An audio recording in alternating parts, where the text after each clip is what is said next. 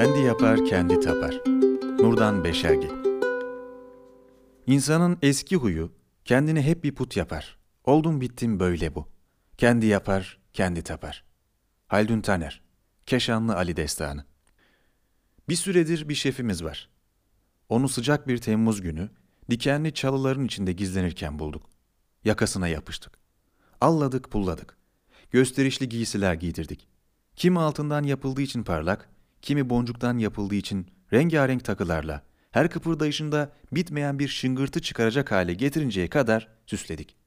İte kaka çadırına soktuk ve eline ağaç asayı tutuşturduk. Neler olup bittiğini anlayamadı. Dilimizi bile bilmiyordu. Onu rahat ettirdik. Güzel kızlar, genç delikanlılar, lezzetli yiyecekler, serin, rahat bir çadır ve ağzının içine bakan bir kalabalık karşısında fazla direnemedi. Zayıf biri değildi. Aslında şöyle söylemek gerek. Zaafları hepimizinkilerden daha derin ya da şiddetli değildi. Direnebileceği kadar direndi. Aksini hiçbirimiz iddia edemeyiz. Ama sonunda bir ve tek olmaya, uykudan bile tatlı mutlak iktidara teslim oldu. Bu zaten hep böyle olmaz mı?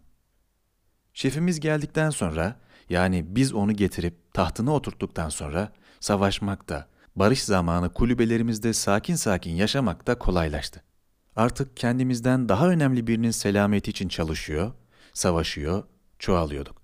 Tanrılarımızın dünyaya inmiş sureti uğruna yaşıyorduk.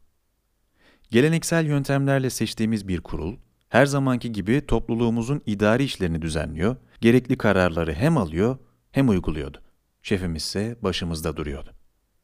Doğanın uyanışını, hasadın kaldırılmasını, gençlerimizin erginlenme törenlerinden çıkmasını kutladığımız eğlencelerde başımızda duruyordu. Cenazelerimizi kaldırırken, ibadet ederken, ava giderken uğurlanışımızda ve av dönüşü karşılanmamızda başımızda duruyordu. Savaşa giderken, bazen savaşırken ve savaştan dönenlerimizi karşılarken başımızda duruyordu. Başımızda durmadığı zamanlarda da biz zaten başımızda durduğunu hissediyorduk. Şefimiz bizim olmak isteyeceğimiz ama olamayacağımız her şeydi. Bu yüzden birliğimizi ve bir aradalığımızı şefimize borçluyduk. Ona doğru, onun için, onun uğruna ve onunla yaşadığımız sürece topluluğumuzun ve toplu halde yaşayışımızın tek sorumlusu şefimizdi.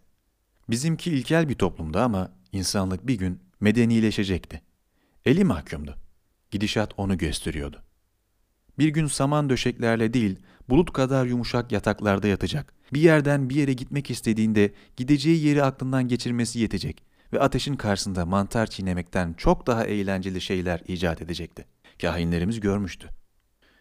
Belki o günler geldiğinde medenileşen torunlarımızın bir şefe ihtiyacı kalmayacaktı. Ama o zamana kadar biz şefimizi düşleyerek uykuya dalacak, onu düşünerek uyanacaktık.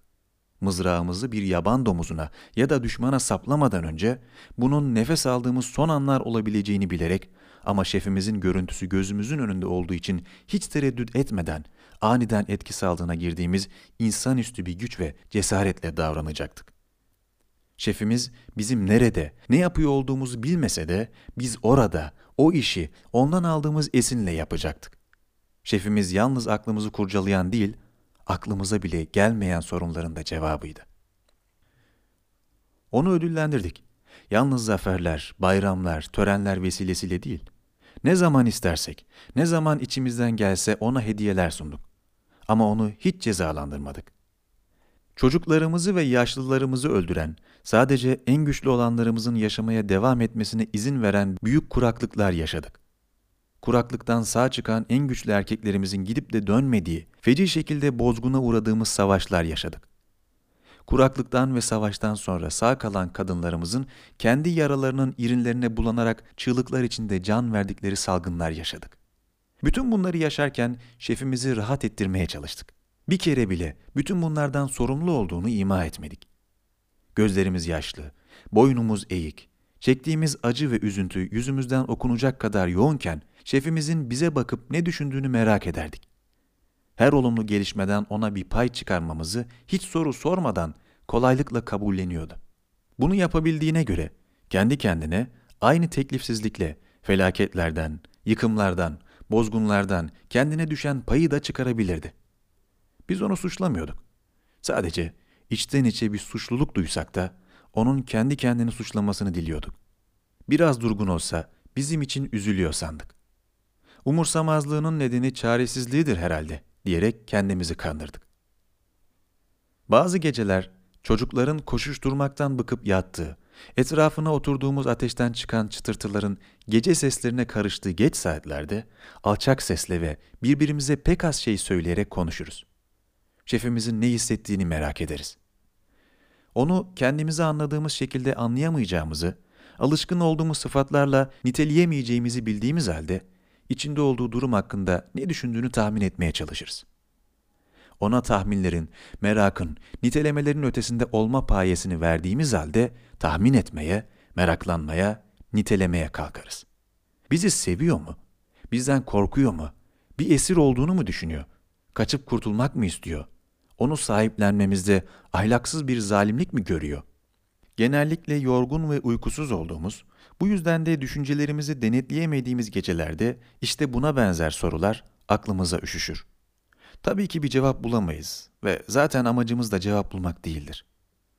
Uyurken ölürüz, uyanınca yeniden doğarız. Uyku sırasında tanrılarımızın diyarına gideriz ve orada gezeriz. Şefimizi de yanımızda götürürüz.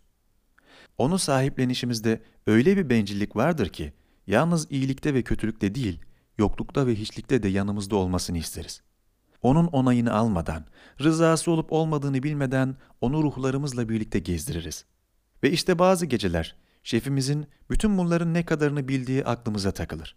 Sessizliğini farkındalığına vererek ve farkındalığının da kabullenişle sonuçlandığını varsayarak başka bir gece tekrar açmak üzere konuyu kapatırız. Şefsiz kalmak bizim gibi ilkel toplulukların korkulu rüyasıdır. Ve tarih, korkulanın başa geldiği konusunda eşi bulunmaz bir sahnedir. Ürünü kaldırmıştık. Huzurlu ve mutluyduk. Kışa hazırdık. Hem yiyecek hem de bizi bekleyen belirsizliklere karşı koymamıza yarayacak kadar umut depolamıştık. Güneşin tepemizde asılı kalmakta nazlandıkça nazlandığı mevsimdi. Günler kısalıyordu. Yemeğimizi yemiş, rehavet içinde her zamanki eğlencelerimize dalmıştık. Baktık toplanmış gidiyor. Ardından bağırdık. Demek çadırını toplayıp gidiyorsun. Seni düşünmeye devam etmezsek var olmayacağını bilmiyor musun? Artık kim bilir hangi uzak kabilelerden birine şeflik ediyor. O toplulukla karşılaşmayı hiç istemiyoruz ve tanrılara bizi karşılaştırmamaları için dualar ediyoruz.